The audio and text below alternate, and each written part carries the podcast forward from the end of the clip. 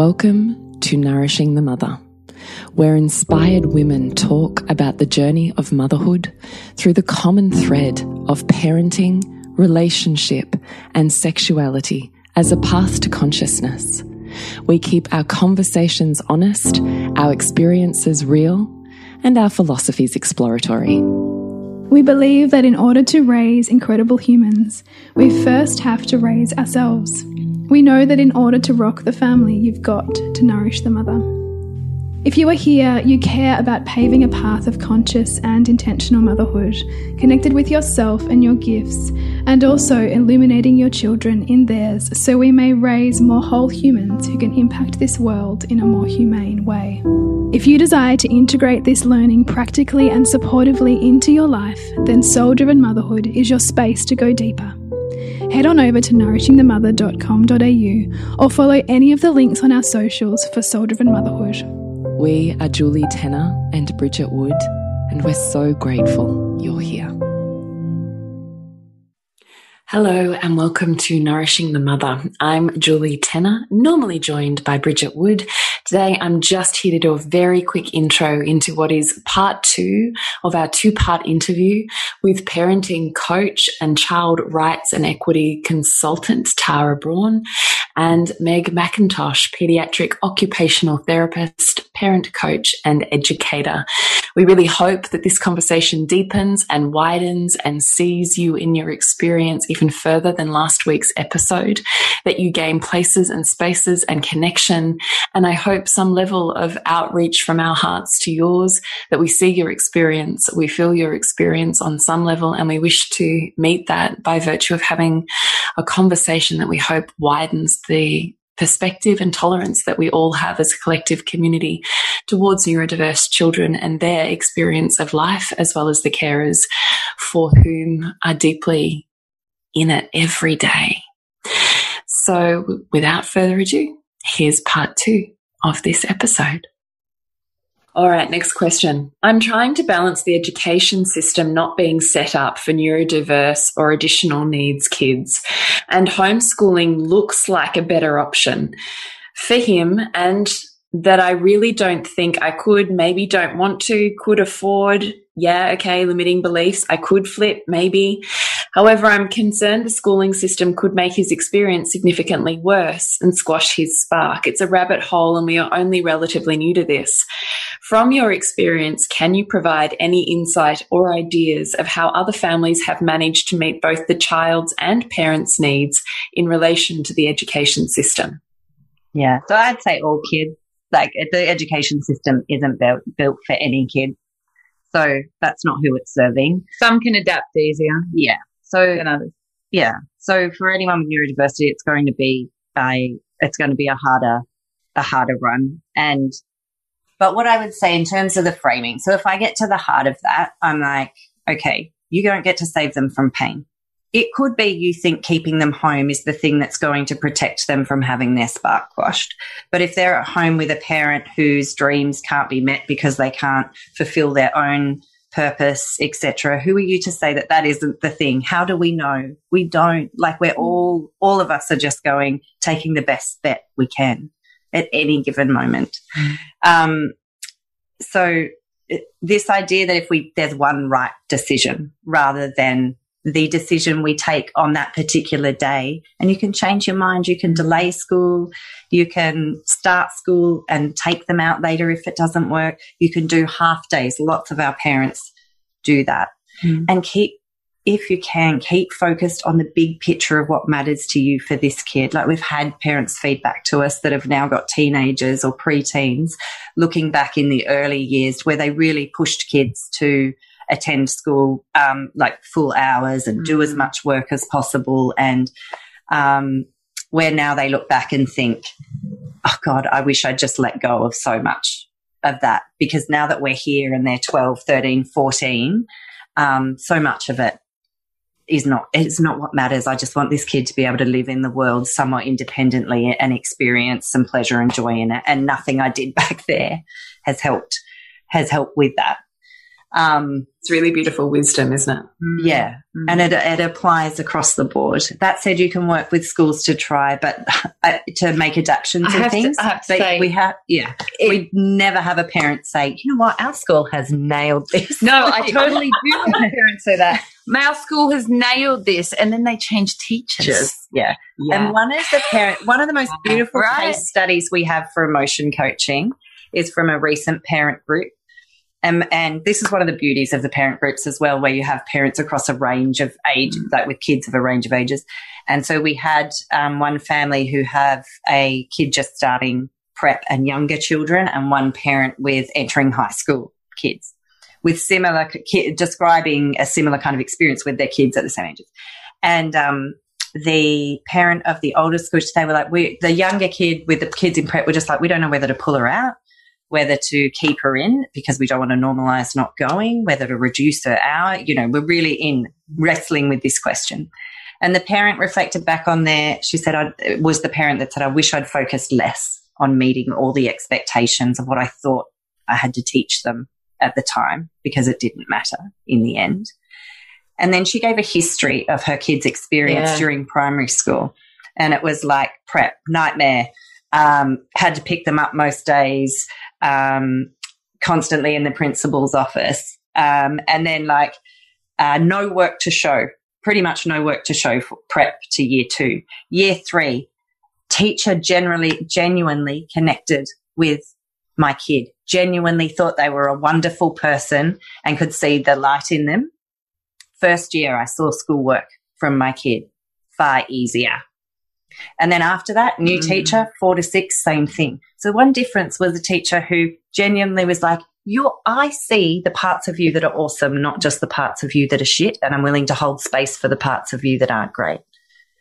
Yes. So like it's, it's emotionally intelligent teachers. Mm. Yeah. And, and, and what we're teaching in the education yeah. system and and what teachers have to go through to become good teachers like they have to pass this oh. you know intense maths test mm. that doesn't tell us if to teach like primary school kids doesn't tell us anything about how they're actually going to relate to those children. Uh, and doesn't leave them any room either. What no. I from my friends who are teachers is they have to plan to mm. the like five minutes mm. of every single five minutes of the day.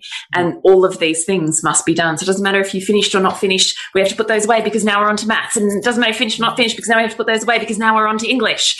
You know, like it's the pressure that they are under that is filtered down from the top. Mm. But I also have the hugest compassion for oh, absolutely. and who are employees trying to do the best they can. Being measured by things that are only important to a few of us, but to make productive little mm-hmm. citizens mm. that little workers that mm. churn out, you know, but even the behavior, when we talk about time, like Megan and I even talk from a you know professional development with with teachers is when we've talked about what we want to share with them is around looking at like how much time do we end up spending anyway because if you're it's the same as what we were talking about expectations before. If you go the mm. other way towards punishment, your behavioral programs are still, they're going to, for the um, kids that find it easy, that's going to be fine. They're going to conform for the kids that can regulate well or that just don't want to be in trouble. They're going to be, and for the kids that can't, they're going to constantly be the ones, no matter how mm. many times they're put on the steps, sent outside, sent to the principal's office, not allowed to do the thing. And then, oh God, when we hear that they're like keeping them in from regulating their bodies at lunch or recess, these oh, kids that need the worst. It's just the like, oh, and it's so like just pr- other than being like a real breach of rights, in my opinion, it's like so counterproductive, just mm. so counterproductive to getting those kids more regulated. It's a completely different lens, though, isn't it? It is. But if we could sit with kids' emotions for long enough to hold space, to be respected, to know that they would be heard, to know that to be heard, they don't have to keep escalating, escalating, escalating, escalating. Mm-hmm. And yes, it takes time to transition a group of kids from one way of doing things to another, and there is the shift. But like it doesn't take more time once you've normalized that way of communication where everyone gets res- to be respected, everyone gets to be heard once you've normalized that in a classroom, it doesn't take more time than having to constantly be interrupted by, by dysregulated children. Um, but yeah, getting that support in the system is a slow, we're part of the fight, though, guys. in a slow well, try. try. Yeah, does help though, don't they? Just in my own experience, if you don't have a diagnosis or a piece of paper from an assessment from a professional, Yeah. there's zero movement anywhere because you're just kind of the overactive mum and you're a bit of a pain in the ass to the other 28 children that I have in the classroom. Mm. Yeah. And potentially five of those are ones who have diagnoses and I have personal learning plans and I'm already mitigating everything I do for those children. So you annoying mother over there who say there's something wrong with your child and actually, you know, I have other opinions on them because there's nothing else that says otherwise. In my Yeah. experience, that's a hard place to be. Absolutely. But And as soon as you get so reports, yes. Yeah. the system wants to work for you and with you. Oh, but But even then, then- sometimes they they just go, "Oh, they've got this, then we'll do this," and you're like, "Hang on, that's not my child. That's not how we work with my child." So they get stuck on other things. So it's hard. It's And hard. there are also so many of those adaptions would be good for all children. 100%. Mm. So many of those adaptions move more bodies in the classroom. Let them move their bodies. It doesn't have to be Children listen better when they're moving. Actually, Yeah, or even if, if they want to read like lying down, why can't they read lying down? All Or right, however they want to move. Yes. yeah, yeah. Why must it be in this particular? the example we often use Mm. is when um my daughter loves reading um Both our kids are reading, or we're reading Harry Potter. and we're reading Harry Potter to them and often at the end of the day of course most kids are a little bit more dysregulated or whatever so I'll be reading Harry Potter and she'll be like on the side of the couch jumping over me and after a little while I'm like this is irritating me I'm like you need to sit down and listen because you're not listening I'm not reading this if you're not listening and she'll go, I am listening. I'm like, fine, tell me what I just read. And she'll bloody tell me word for word because mm-hmm. it was actually helping her listen. And I go, fair call. Mummy should listen to her own advice. It's so true. I love that you think that. It's so true. We And all need those It's reminders. them, it's them get re- it's them staying alert. So it's like any of us when you're getting a bit sleepy It's activating the vestibular system. yeah, and you're tuning out or whatever, you, you move, don't you? Like when you're, you know, listening to something, you got to pay attention. You start moving. You're listening. You're moving your body. But for kids, they need much bigger movement. Mm. That's a Hundred we percent true. trusted them. I just, as well, um, Jules, when you said about the um, overstrung mother and also the um, how unseen the experiences of these Mm. I just want to put my feminist hat on for a second and say, in the most part, this is mothers that, and we have incredible dads coming, but in the most cases, it is mothers doing the primary. It is the advocacy Yeah. for their children within an education system. Yes. Exactly. And it is the unpaid labor of women being ignored. And then it is the um, legitimacy of their experience Yeah. being ignored. So Mhm. I just want to speak to that because it, it is so important that women don't buy into that in any circumstances, but, but particularly when it comes to, and that doesn't mean we can't have really conscious, deliberate conversations where we're pragmatic about what the limitations of the school are, if that's where you, you know, if that's where you sit, but not to um, allow people to convince you that you're the difficult mother or that because it is undervalued, because what you are doing doesn't have an exact economic value next to it, value next to it, um, is is not an incredibly legitimate service to society that is unrecognized, and that it is that lack of recognition and value that is the problem, not the work that you're doing or the way that you're speaking up for your family. I really appreciate it. That's beautiful. Neurodiverse families have the added, Mm. the added cultural beliefs that still are around, around a burden to society. Yes. It's still there. It's still, And because it's and it wasn't that long ago that Mm. people were locked, put away or, right. you know, it's, it's, there's still a long way to And go. because it's invisible in disability as well, often it's just assumed to be bad parenting. Yeah. So, um, not to. Out. Yeah. All right. Um, NDIS successful application relies heavily on a mindset of deficit comparison, can't do, which goes against conscious parenting of the individual child and focusing on the extraordinary individual unique gifts. How does the caregiver and applicant, usually the mum, not spiral down during the long application and assessment process? How can we protect our little people from the negativity of testing and competency based environments? That is such a hard one because it I is. even hate it, NDIS, for the disability. I'm like, Yeah. Yeah. It's not even the purpose of this, um, even the word scheme. It's not even the pr- purpose of, of what it is. Yeah. And yet, as I'm entering and my eyes are widened further to this process, I'm like, my God. So I'm rewarded. Talk about star chart. I'm rewarded when I tell you how bad my child is. Yep. Yep. And then to help you, to often in support of you, then the practitioners will also talk about how bad your child is so Yeah. that you can get more funding. I try writing strength based reports and we don't get enough funding. So I, It's 100% true. So that is where I think we reframe the we reframe the system as a tool for us. Mm. It is not something that defines our family. It is not something that defines our child. It is a tool and it's a clunky tool, but it's the best one we have. And we use that tool to the best of our advantage in the best ways we can without buying into what we have to do to, you know, uh, to use that system, to get the best out of that system. That doesn't make it easier, but that's what we do. I think as we our kids get older as well, we can name it for them. Often, Yeah. often with kids, we um, you know, and it's the same with any form of discrimination because this is just it's another form of discrimination.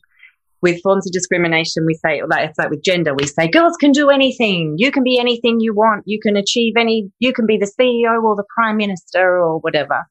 Um, and it's this, it, we can do the same. You, you know, you're just as good as all the other kids. You just ignore what, but if we don't name it for them, they're observing their experience of the world. They do notice they are seeing it and they will interpret it as their own flaw that they're not actually fitting in.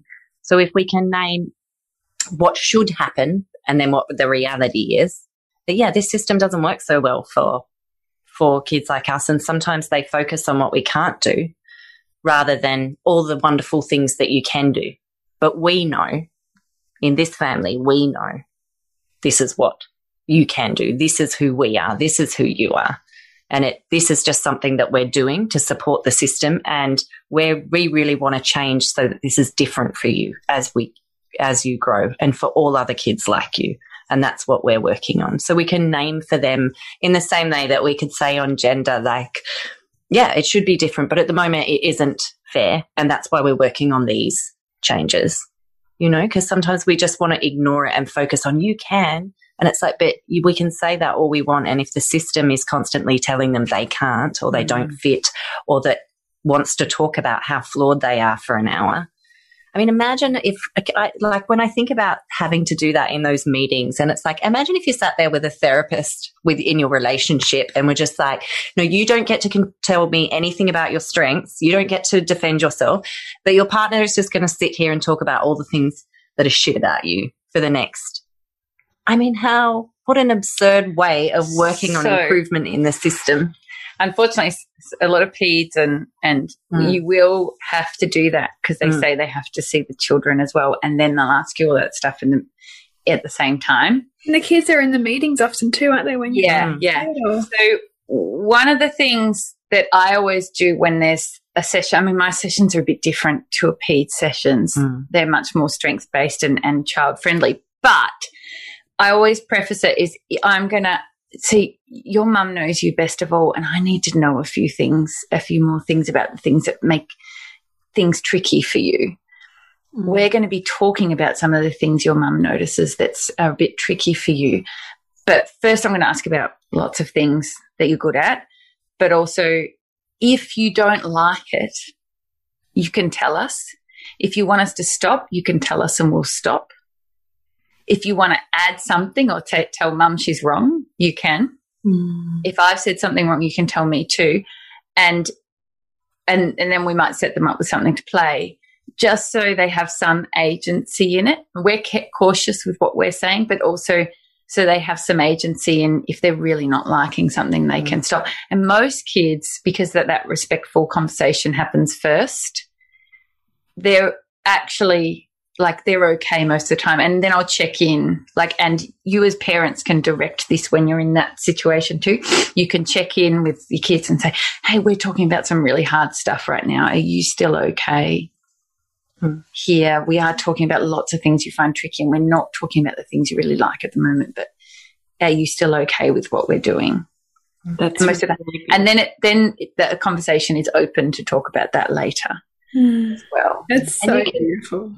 And you can ask for respectful language and things from your practitioners as well. Like if your practitioner is using language that you don't like, or um, you can invite them to say, We talk about that this way. It doesn't mean you're not still talking about the problem, but it's just acknowledging to your child that the way we talk about you, the way we respect you, is valued. And it's one of the things I do in child protection as well. You can contact practitioners in advance and say, um, you know, so it, for example, um, in the neurodiversity movement, we, we use first person language. So it's like, I am autistic rather than ASD, which is the kind of medical lens, for example. So you can email your practitioners in advance and go, we will be talking about these problems, but these are the ways that we talk about that. And this is the things we don't say in our family. And then even if they don't get there, you've given them the chance so that when you get to the meeting, you say, I don't know if you had a chance to see my email, but we, this is the way we speak about each other in our family. So you can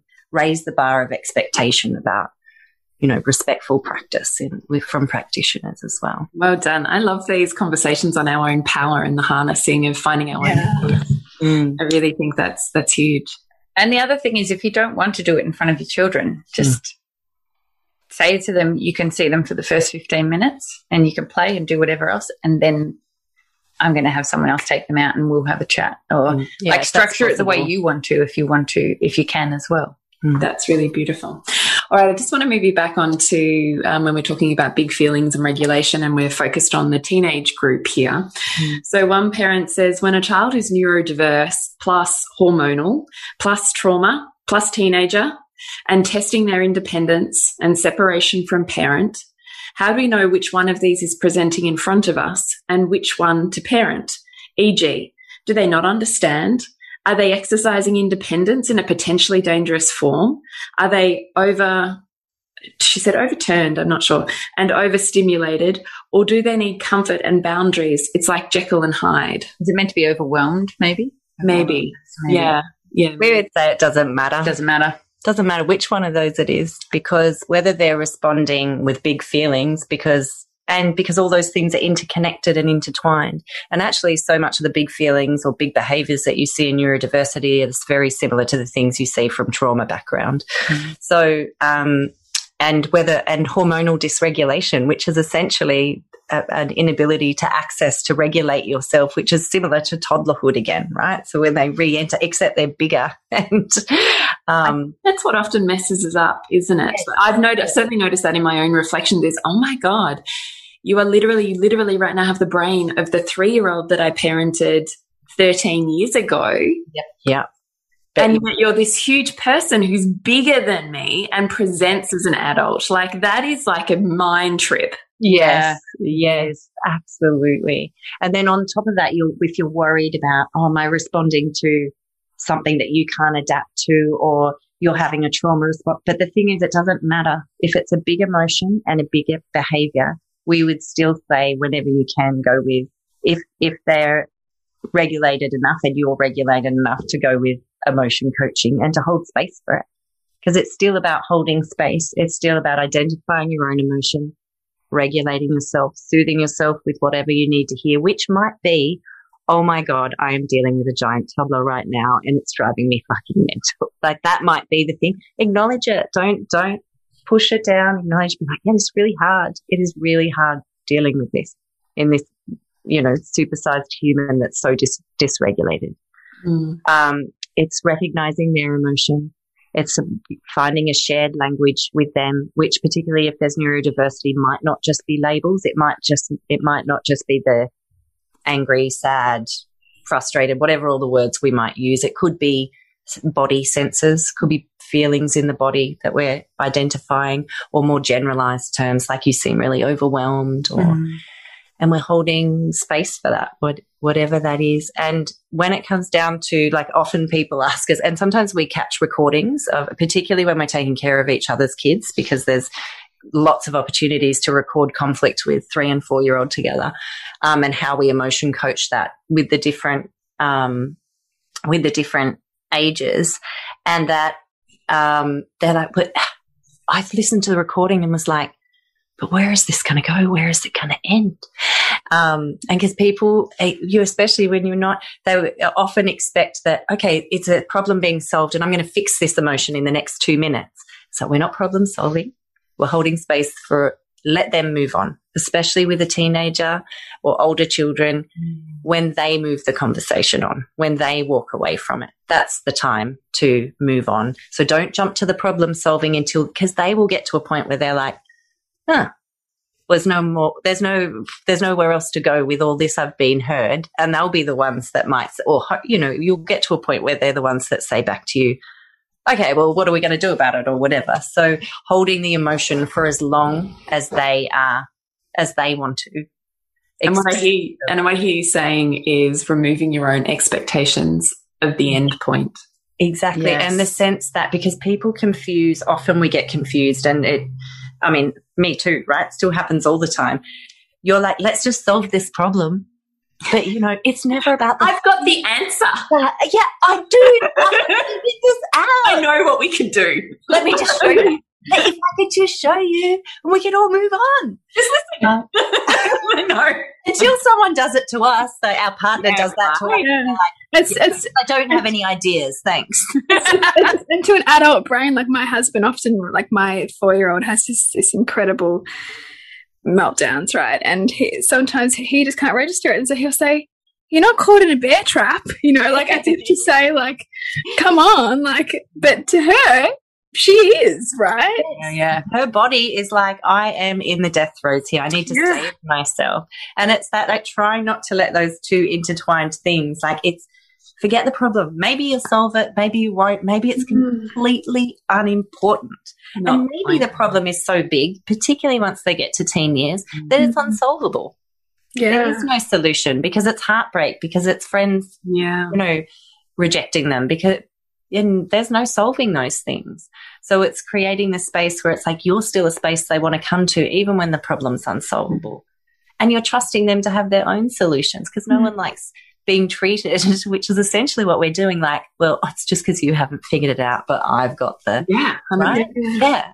And so it's removing the problem. Forget, put the problem over here.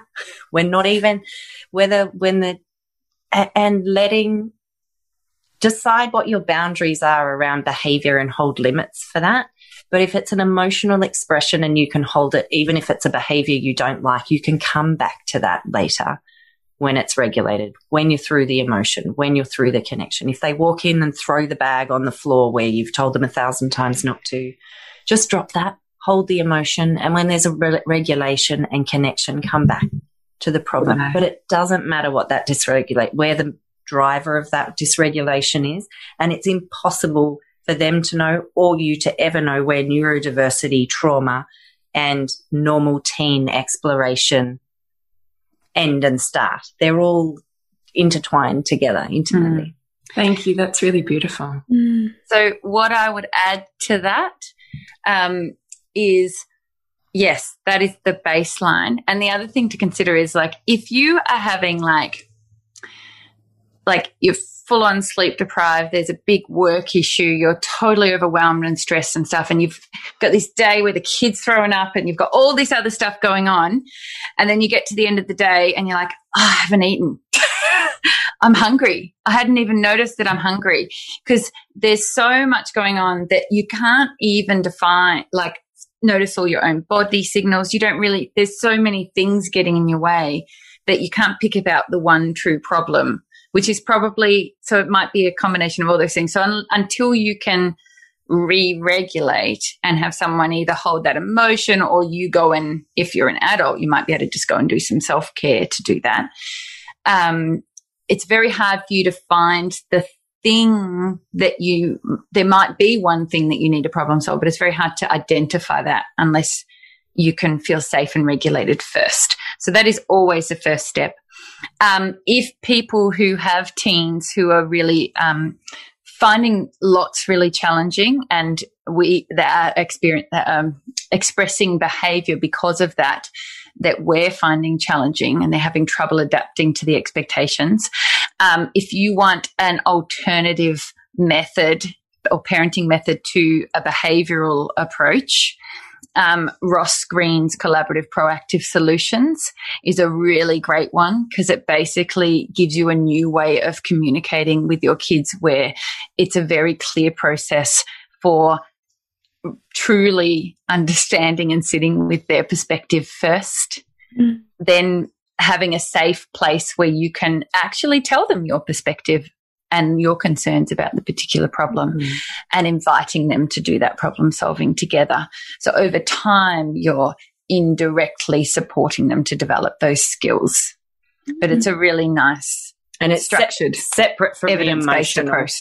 Yeah, he's the author of The Explosive Child, isn't he? Yeah, that's right. Yeah, and the, there's an enormous amount of research behind that. Um, there is modality. Yeah. yeah, they they um, implemented it with the Maine juvenile justice system and mm. decreased the recidivism rate by like eighty percent. It was incredible. So inspiring. Yeah. No, I know we've been here a really long time. I have two questions left that I'd love to ask you. Is that okay with you? Yes. yes. Okay, thank you. Thank you for hanging in there. All right, question number one is How do we explain to siblings the different needs of their sibling and that fair is not the same and the expectations around doing your best might look different? Mm.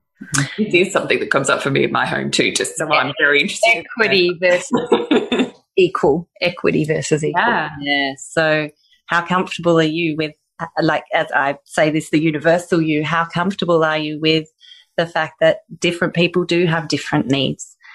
And how, because usually we were raised on an idea of equality, right? Where fairness was getting the exact same amount of cookie at the, you know, or whatever the thing was, or everyone went to bed at the same time. And that was how fairness was defined. So it's about redefining fairness which I think should happen for everyone because we do, we are all at different starting points. So everybody getting the same isn't the most fair. Mm. It's like if you're not hungry and your sibling is really hungry, is fair that you both made to eat the same amount? Is that fairness? Or is fairness you both getting the serve of food that you need? So that's the first thing because I think it's so hard for us to really sit with how radical equity can look, how radical it can look, especially in a family with neurodiversity or any form of additional needs or trauma, etc. How much one person can seem to be centered can look really hard.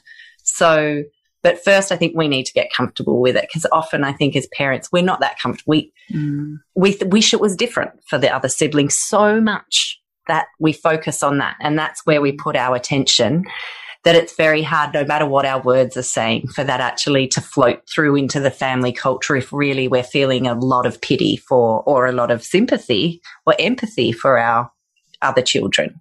So the first thing is, can we really reframe to be like, there will be times in every one of your children's need whether they will need you or other people more than everyone else. Maybe it'll be there's an accident. Maybe it'll be they're really sick. Maybe their husband will cheat on them and they'll need to return home to you. Maybe they'll need to go. There are going to be times in every single one of their lives where they need you more. And for a lot of the early childhood and possibly all childhood, there might be in your family one kid who the rest of the time sits up the top. So practically, how do we support kids around that? So one, I think is, is really redefining that family culture around that and making it okay. It is okay that your child with a diagnosis or challenge, that is, for lack of a better term, their cross to bear. Your other child's cross to bear is being one of their cross to bear is being the sibling of that child. And your child with a diagnosis has the cross to bear of watching their other child, other siblings find things easy that they find really hard. So who's to say what's harder in that, right? They all, this is their mm. growth pains. This is where their voids are going to come from, right? In the language of, of your work, right? This is where their voids will come from and where their motivation and drivers will come from. The idea, I think, and in practice, I, I, fully recognize how hard this is, but the idea that we provide more sympathy for particular voids than others are really socialized beliefs. Mm. And we can reframe that in our family. Practically, what I think needs to happen is providing a lot of space for siblings to also express their suffering. It's like, you know, when um, there's a new sibling comes in and most people are like, oh, you're so lucky to have a new baby sister and isn't it going to be great? Mm. And yeah, like they do love that new sister and most kids do want to engage with that baby, but actually it's a bloody nightmare because mum's not there all the time. Everybody's exhausted and more grumpy. We don't go to the same places anymore and it's a shocker, but I'm not allowed to even, I'm, I'm constantly told how great it's meant to be. And I think the same idea with with siblings that might be experiencing a lot of times where they are put on the back burner or they just have to adapt. Usually it's a lot of adaptation happening from them where because they can, we ask them to change or we ask them to wait or whatever the things are. And it's creating space to hear them about that, where we sit down with them and say, it's really hard being you. I noticed today, yesterday, this week, whenever the space comes how um, you had to wait, hide in your room because he was being rough. He took your toys. We had to go to six appointments, whatever the thing is. I'm just wondering how you're doing with that. It's providing time for them where they do get a break from that wherever we can. Um, and it's normalizing the conversation about the challenges that that brings into our family and also the acceptance we have that everyone's challenge is welcome here. Everyone's feelings about that is welcome here. But also this is, these are the ingredients of our family. And every family has a mix of ingredients with challenge and wonder. And this is ours, baby. so let's work with that together as a team. Mm. I love that so much. Everyone has a mix of ingredients of challenge and wonder. Mm. And, and, it's been okay. They're allowed to feel like it's unfair. Mm. They're allowed to be pissed off. Mm. That's okay. It doesn't mean they don't love their sibling, doesn't mean they're mm. disrespectful. Like they're allowed to feel those things and allowing some space for that where you can, while still holding that developmentally they might be more ready to take more responsibility in certain situations and you can expect that from them as part of creating equity. Yeah. Mm -hmm. I appreciate that. So, the last question I want to ask you before we move to our interview quickfire questions is this one. I would love to know your thoughts on social skills groups. It has been recommended that my son attends social skill groups, up, but after listening to autistic adults talk about their thoughts on social skills groups, I'm not sure on this. Is it just like the ABA, where the aim is essentially to get our neurodiverse kids to be more neurotypical and less themselves? Mm. So, I run groups. Um, I would say it depends on the person. Oh, so you run social skills groups? I've called them that before. Yes. What do you call them now? You have to kind of call that call them that for NDIS. I don't call them. I don't call them anything. I just say, "Does your kid want to join a group?" Um, I run them at a school with um, a lot of kids who are friends at school um, and and have relationships in that school. So I'm very lucky that I get to do that and then send them out into playground. But essentially, what I see groups as being um, is someone safe to hold space and help them decode things and regulate and repair with their peers in relationship with peers. Um, and that's where I see it helping the most in the sense that we create a space where they can try things out and someone's there to hold space without any sort of judgment um, and go, okay, well, you know, it's not that you're bad for what you did or you're going to be punished or anything like that, but it's stopped the game and it's really hurt that person. So I'm wondering what we can, what we can do or what do you need to do so they get to practice that. Um, and I think one of my best when I when I had these groups up and running for the six months in the school, one of my favorite days was um, we were playing this game, this complex game with a lot of kids who couldn't stand winning and losing at the start, where they're playing balloon tennis. It's kind of like down ball, but with balloons over the thing. Mm. And I had that the game because we had an odd number. They had to be out, and then if, when someone went out, they had to swap in and maintain attention that whole time when they're out, so they can swap in and help ref and solve the problems or the mm. disputes between how the game. So this was really hard. And initially, when I was doing it, I had to do a lot of holding and coaching and going, hang on, I think it's okay. What, let's listen and sort of do this sort of stuff. This time, one of my kids who in particular, most of the time she'd lose, um, lose track of what was going on and just be doing handstands in the corner initially. But she was running it and she's gone to me, Meg, you just sit over there. We've got this. And for half an hour, I was just like cheering the goals and doing nothing. Like they literally told me to get out of it and ran it by themselves and played beautifully and got this flow going. Um, and that's sometimes really hard for these neurodivergent kids. Um, Can I just ask you in the nuance in that, what do you perceive that you've um, taught them? Or I don't know if teaching's the right word. I think I taught them. I, I think that's the right word, even as I said it. But but what has happened there for them to move from I can't tolerate winning and losing to wow, we've managed to flow. Yeah, I think it's a big combination of stuff. So I'm scaffolding initially and creating an environment that whether it's giving them warning before something's happening, whether it's modeling, whether it's um, uh, allowing it to all fall apart and then supporting them with the repair. I think that's what mainly does the most things, mm. the most good. Mm. Why do you perceive that? The same relationship with their peers and realize that they can still play again and people mm. won't hold that against them and it won't necessarily happen the same time the next time. Because these kids often in fight or flight too. I think that um, stress of losing or having something not go the right way can feel really huge and dangerous.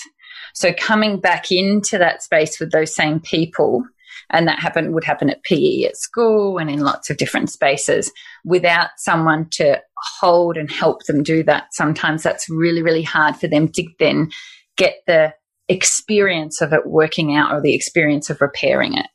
Mm. Um, but it's it's hard, and I think there's a if you're not, I guess, an experienced therapist, there's lots of programs out there where mm. you're like very much manufacturing situations or or you're like teaching them on a worksheet and having them fill out worksheets about being a flexible friend or whatever else. So you need to be really selective about who you sign up to a social skills group. Because what the problem that's in that question and that parents have fed back to us is, and that's just, there's a lot of evidence of out there, is if you want a social skills group that's like, you can behave, who you are is fine, who you are, we're not trying to change who you are. Here's how many people that are out there socializing in this way.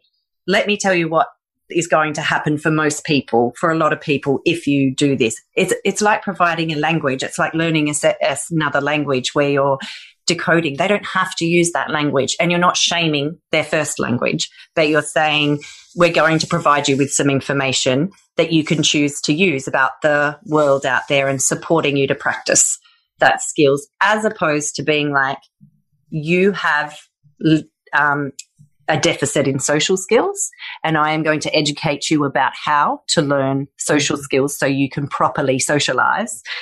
And this is the way that we're going to do that. So it's, I mean, does that difference make sense? It's that decoding and support, not making their way wrong. It's just like, is there more information we could give you that might not be obvious to you that for other people it's already been um, they've already been socialized to understand. But even then, what I find with therapists who are trying to do that, yes, it's still very cognitive. It's not experiential. Mm. Yeah. So, uh, um, ultimately, you would have teachers providing more of this mm. in the playground or like ideally, that's what you'd have. And you'd be skilling up parents to be able to support with play dates or carers who are coming regularly who know the kids. Like ideally, it would be more in their natural environment, um, which is why I love the school stuff because these kids are actually so like they go out onto the playground together. Um, so it's it's a step in the right direction, but it's it's still not.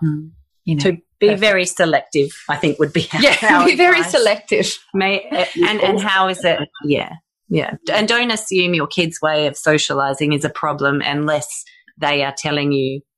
Do you know? Unless they're experiencing, yeah. I am having problems making connections. That's affecting how they're feeling about their you know, their life. With that kid I told you about at the start, where the mum was really afraid of his mm. anxiety and his anger, and once she could self regulate an emotion coach, he, like, I think she really, they really thought it was because he was so stressed at school, he didn't have enough friends, blah, blah, blah, blah. He still only has about one main friend and prefers to self regulate playing on his own in the sandpit at school, but he'll socialize quite a bit with his friends in class, but doesn't invite, like, he wants quiet time at home and stuff. And we recently had a conversation about it. And she's like, Oh, I don't know whether I should push it. I'm like, Should we push it? He's actually explicitly saying he's pretty happy with the way things are going at school at the moment.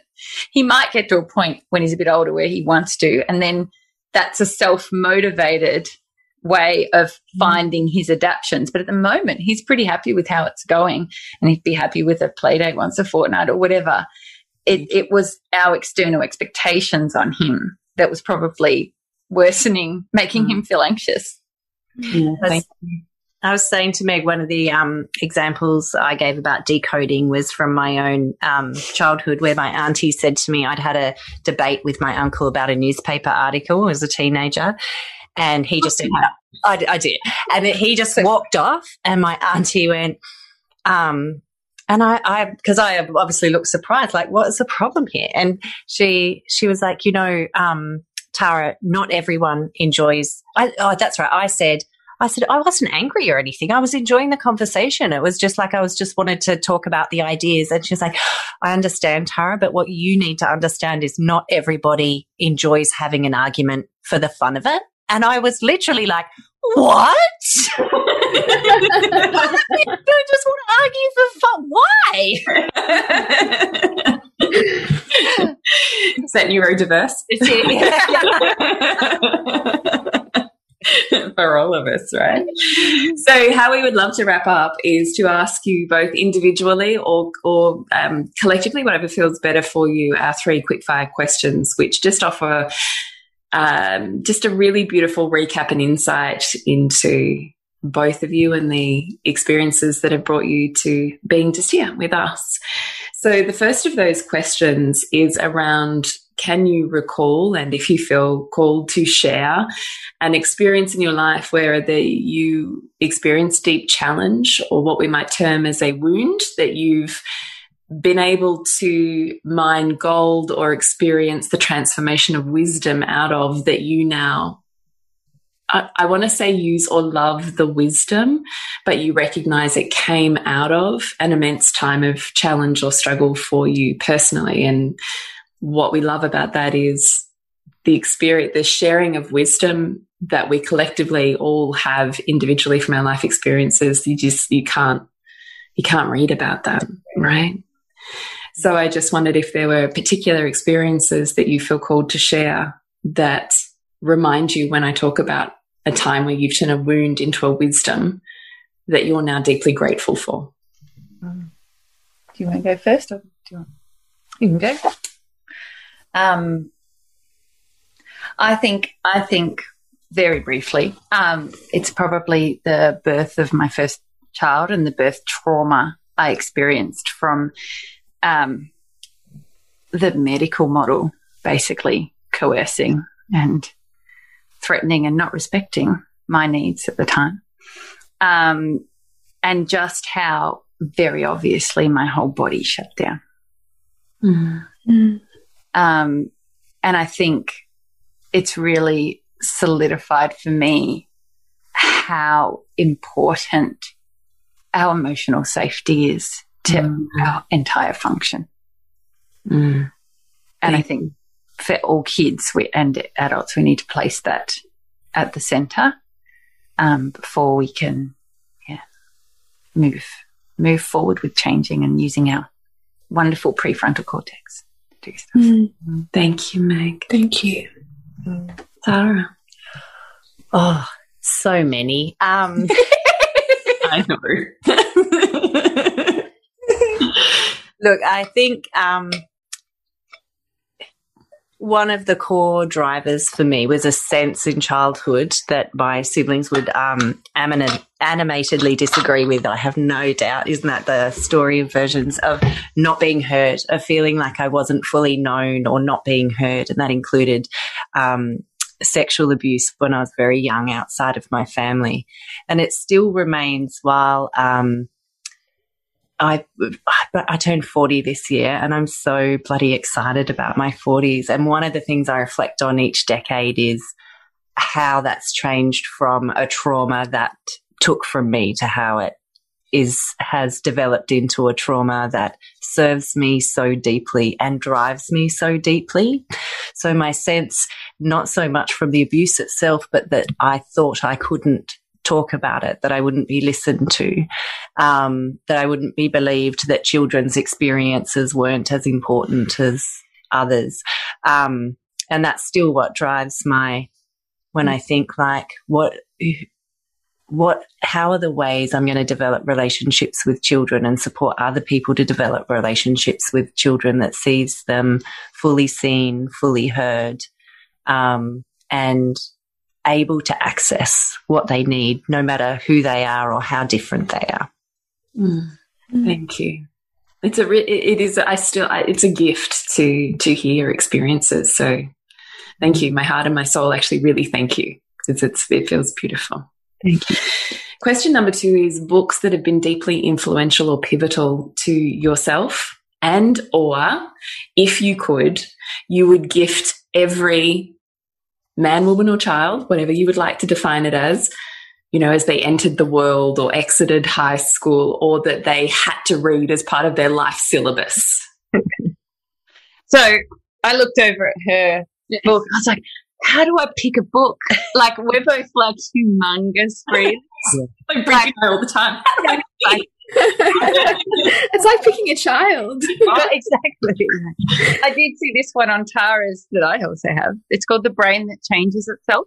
Ah, uh, yeah. I would recommend that for parents who are just getting diagnoses autism. It doesn't, it doesn't specifically talk about any of that, but it just shows you how incredibly plastic our mm-hmm. brain is and that where your child is at two, you have no idea where they're going to be. And I do like the, the mum I told you that I apologize to for giving her lists um, when I first said, so her kids are now 15 and her, the child who initially came to me at four, he, um, he had a regression at two and a half and stopped speaking all words but bubbles and then eventually came back. And then in school, he's destroying the table and destroying the room and hiding under tables and stuff.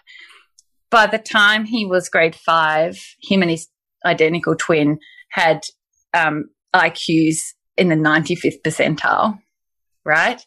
And then in year seven, um, they both went off on this school excursion to NASA without their parents. And they're doing really well. You just can't predict it, can you? can't predict it. You don't know what their their developmental path is their own. Mm. Yeah. Well said.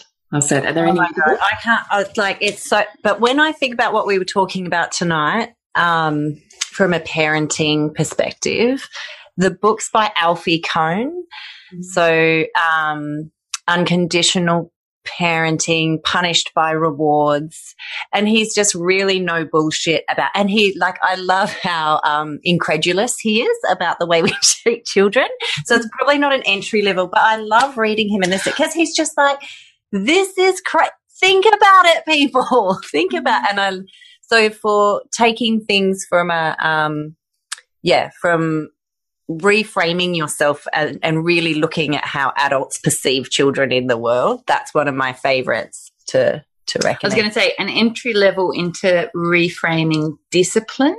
Mm. might be, and if there's any like Steinery parents, Lou Harvey-Zahra, she's got some books, Creative Discipline, which is basically playful ways to move children through things and accept like their emotions and it's quite child centered as well, but mm. it's it's a light a much mm. lighter read.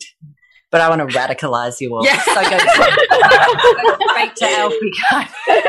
yeah, Alfie Kohn's definitely probably not for like the greenest of, of, of our listeners. But fantastic to have a spectrum it is. That's right. what we can look at. I love it. It's the book's on the neurodiversity scale, isn't it? Yeah. We just looked across. That's fantastic. I really appreciate it. but, yeah, sorry. No, you go. Go. I was just going to say, ultimately, um, we should be treating all children with respect with regards to where they're at. It actually doesn't yes. matter what the diagnosis no, is. it doesn't. Mm-hmm. Yeah. So thank you. Last question we would love to ask you is if you could have a billboard anywhere in the world on any major superhighway, what would it say? Um, mine would say, oh god, I need so many billboards. Um, um all the billboards. Yes. um, it's not just the way it is. Systems are made by us and they can be changed by us. Mm. Yeah. And Meg? I don't know. I'm, I'm, I'm too wordy for a billboard. I think. Um, what would your heart yearn to tell these parents that mm. trust your instincts? Mm. Mm. Amen. Mm. So, beautiful women, can you please share where we can connect more deeply with your work together and your work individually, and how we can find you, connect with you, further any conversations or opportunities to join your group, have consultations with you. Can you share all of the places and spaces that we can get in contact with you, please? Yes, we are shoulder deep in um, website development, so still coming. So we're just um, on Instagram at, at Megan Tara. Um, email us at hello at megantara.com. Um, I'm on Facebook at at Tara Broughan. We're going to have all of these links in the show notes, just so our listeners know that you can yeah. just go down in the in the show notes, and all of these links are there. And um, just send us a message on any of the socials as well. Our next group is starting um, on a Wednesday night in April, and when we feel that, we'll we'll start another date. We do to run two at a time, so um, get in touch with us. We um, our parent groups um, can you can use NDIS funding if you're eligible. Um, you can also use a. Uh, uh, I'm a mental health registered OT, so you can use mental health care plan for groups yeah. as well. Yeah. Um, yeah, so reach out to us. But yeah, so on the socials and um, we'll be launching a website in April, which will be very, we'll make a very big deal out of it on the socials. But just get, and if there's any questions, and I'm yeah, in soul driven motherhood as well. So for any mums in there that've got questions or anything, just, just reach out in there as well.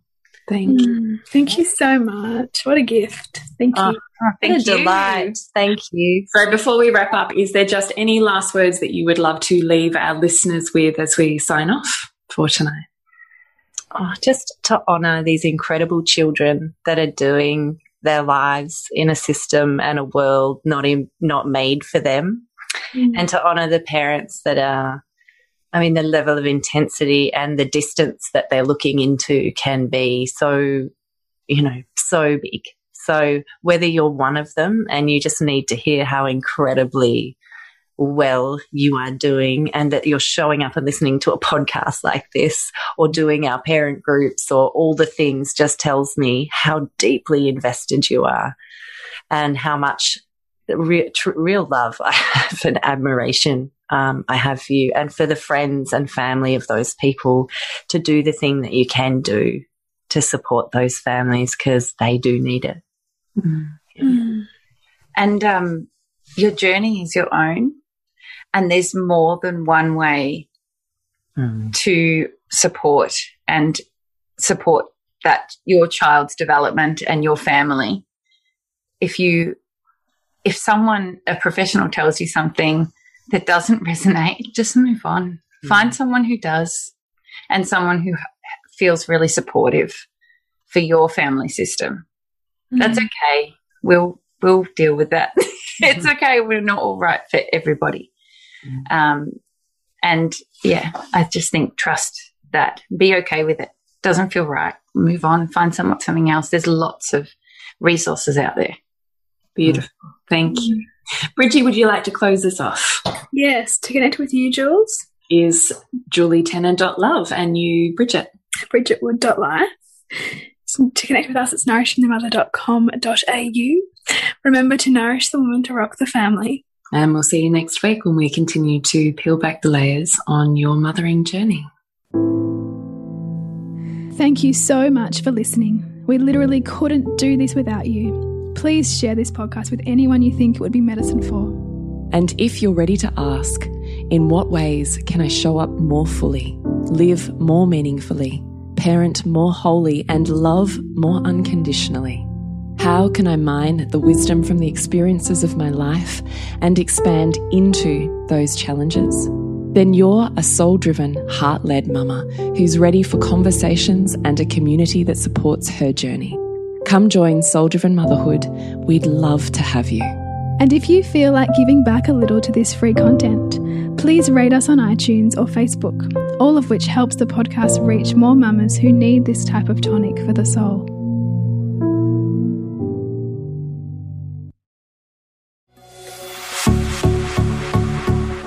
This has been a production of TheWellnessCouch.com. Check us out on Facebook and join in the conversation on Facebook.com forward slash The Wellness Couch. Subscribe to each show on iTunes and check us out on Twitter.